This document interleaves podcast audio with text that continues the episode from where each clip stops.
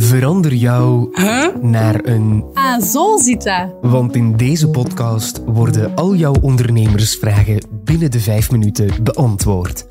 Oh, zit dat zo? Een podcast van Unizo. Met de Unizo Ondernemerslijn, met Kaat, waarmee kan ik u helpen? Goeiedag. Ik ben meer en meer internationaal actief met mijn onderneming. En nu kom ik in contact met zogenaamde handelsakkoorden. Maar wat zijn dat net? Voor deze vraag verbind ik je graag door met onze Unizo-expert internationaal ondernemen, Thomas Piraar. Hij helpt je graag verder.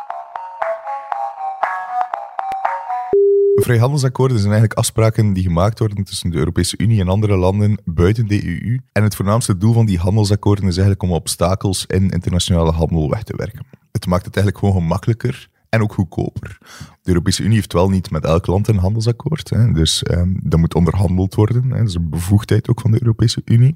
Maar er zijn wel uh, een aantal handelsakkoorden, met, zeker met de grootste handelsblokken in de wereld. Bijvoorbeeld, uh, er is een handelsakkoord met Vietnam, er is een handelsakkoord met Japan, uh, heel recent in met Nieuw-Zeeland afgesloten. en dat zijn er maar een paar van de vele. Natuurlijk, handelsakkoorden is wat we noemen bilaterale handel. Gewoon handel in een internationale context wordt eigenlijk geregeld door de WTO.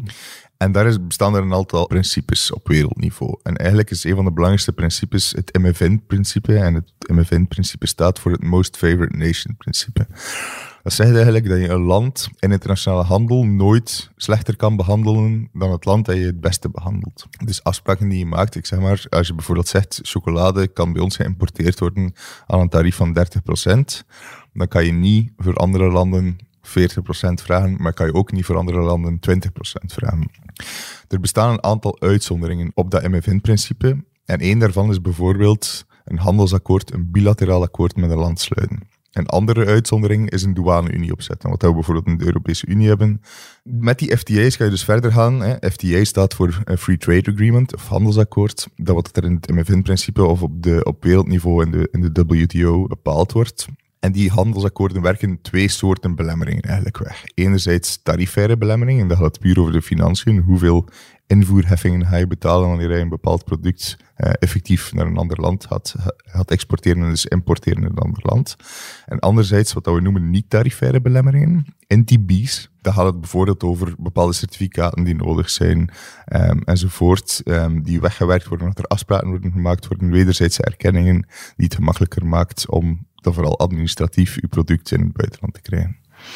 We zien heel hard dat heel veel bedrijven daar eigenlijk niet van op de hoogte zijn. Er is een studie van het Agentschap Buitenlandse Handel nu ook, die eigenlijk zegt van de, de, de benefits, de voordelen van die, van die FTA's worden totaal niet optimaal gebruikt. Dus het is zeker ook belangrijk om, ook al wanneer je een deel van je dienstverlening en je export eigenlijk uitbesteedt, wat dat heel veel KMO's doen, dan nog is het heel belangrijk om te weten dat er vrijhandelsakkoorden zijn met bepaalde landen, welke dat, dat zijn wat dat de voordelen daarvan zijn. Omdat de incentive zit vooral bij u als bedrijf die producten exporteert en niet zozeer altijd bij je derde partij. Het zorgt er ook voor, een handelsakkoord, dat je een bepaald competitief voordeel hebt in een bepaald land. Als je die producten daar goedkoper krijgt, ik zeg maar iets, wij hebben een handelsakkoord met Vietnam, ja, wij kunnen onze producten daar goedkoper krijgen. Wij kunnen competitiever zijn, alleen je moet het wel gebruiken. Je moet het vrijhandelsakkoord wel gebruiken. En dat is niet altijd zo evident. Hè. Je moet wel bewijzen dat je producten van Europese oorsprong zijn. Maar het, het gebruik van handelsakkoorden biedt bedrijven een competitief voordeel. Oké, dat verklaart. En welke voordelen bieden handelsakkoorden mij als ondernemer? Ze maken het eigenlijk als, als ondernemer gemakkelijker en goedkoper om je producten in het buitenland te krijgen. Ik heb aangegeven dat er tarifaire en niet-tarifaire belemmeringen, handelsbelemmeringen worden, worden weggewerkt. En die NTB's, die niet-tarifaire belemmeringen, zijn eigenlijk alle maatregelen die een land oplegt, eh, anders dan douanetarieven om de invoer te beperken. En voorbeelden daarvan zijn fytosanitaire vereisten, die we nu heel hard zien met het Verenigd Koninkrijk, bepaalde gezondheidscertificaten die we als bedrijf moeten hebben. Daar kunnen afspraken over gemaakt worden, dat die ook, hoe dat die herkend worden. Maar het gaat ook bijvoorbeeld over quota. Hè. Dus een, land kan zeggen van... Um, we willen maar maximum x aantal ton rauwe kip in ons land invoeren. En dus ook daar worden er afspraken over gemaakt, die quota worden weggewerkt, wat dat het gemakkelijker maakt om en masse bepaalde producten ook in het, uh, in het buitenland te krijgen. Um, een vrijhandelsakkoord lost ook niet alles op. Hè. Ik heb naar het Verenigd Koninkrijk verwezen, die gezondheidscertificaten zijn er nog altijd. Ze zijn niet in alle gevallen nodig, maar wel in bepaalde gevallen. Het is nooit een, een, een alles of een heiligmakende oplossing of zo. Hè. Er is, je, je, maakt, je haalt eigenlijk een, een diepere vorm van integratie aan, je maakt meer afspraken met elkaar, je creëert ook een platform tussen twee landen of tussen de Europese Unie en een ander land om, om afspraken te maken. Er zit er ook evolutie in. Uh, maar, maar het blijft wel uh, moeilijker dan iets puur in de interne markt zijn, naar, naar Nederland of naar Frankrijk uh, te gaan exporteren. Um, de tarifaire belemmeringen zijn echt de invoerheffingen die betaald worden uh, bij import. Daar worden er meestal wel echt fameuze stappen in gezet. Hè. Dus ik denk, het, het handelsakkoord met Vietnam bijvoorbeeld, heeft men direct voor 65% van alle goederen in Vietnam, uh, of die geïmporteerd worden in Vietnam, de invoerheffingen afgeschaft. En voor de overige 35% worden die tarieven afgebouwd uh, tot 2030. Dus gaat men stapjes naar beneden om ook naar, naar goedkopere of nultarieven te komen.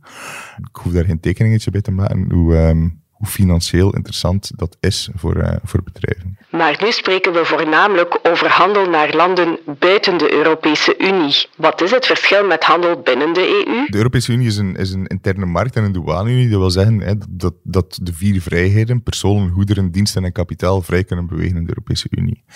Uh, wij kennen ook helemaal geen tarieven of douaneformaliteiten. Er zijn ook geen quota in de Europese interne markt. Um, dus eigenlijk is het heel gemakkelijk om, om uw producten in die interne markt te, te slijten of te verkopen. Het is, het super simpel eigenlijk, of dat je nu iets verkoopt in, in België of naar Frankrijk, is een pak eenvoudiger um, om je producten in de Europese markt te verhandelen dan buiten de Europese Unie. Maar het verschil is wel nog, is wel nog groot. En ik denk zeker als je start met exporteren, dat het, dat het logischer is en gemakkelijker is om eerst in de Europese interne markt te kijken en dan misschien het, het, volgende stapje te zetten en dan eens naar, naar buiten de Europese Unie te gaan kijken. Maar het is ook een groot verschil tussen handelen met een land met een FTA, of waar we een FTA mee hebben, en, uh, en handelen met een land waar we dat niet mee hebben. En mocht je interesse hebben, dan kan je altijd ons webinar rond FTA's op de kanalen van Unizo Internationaal bekijken. Oh, zit dat zo is een podcast van Unizo met expertise van onze interne diensten en partners. We namen je mee op een reis vol handelsakkoorden. Wil je nog verder exploreren op de internationale markt? Surf dan naar de kanalen van Unizo of klik op de link in de show notes. De productie gebeurde door Laurens Bervoets en Babette Blessers. Eindredactie was in handen van Philip Horemans, Jurgen Muis en Jasmina Plas. Ben je lid van Unizo? Dan kan je net zoals de ondernemers in deze podcast contact opnemen met de ondernemerslijn voor gratis advies. Dat kan gemakkelijk op het nummer 02 21 22 678. Wil je beroep kunnen doen op onze in-house expertise? Maar ben je nog geen lid van Unizo? Ga dan voor samen ondernemen en surf als de bliksem naar www.unizo.be.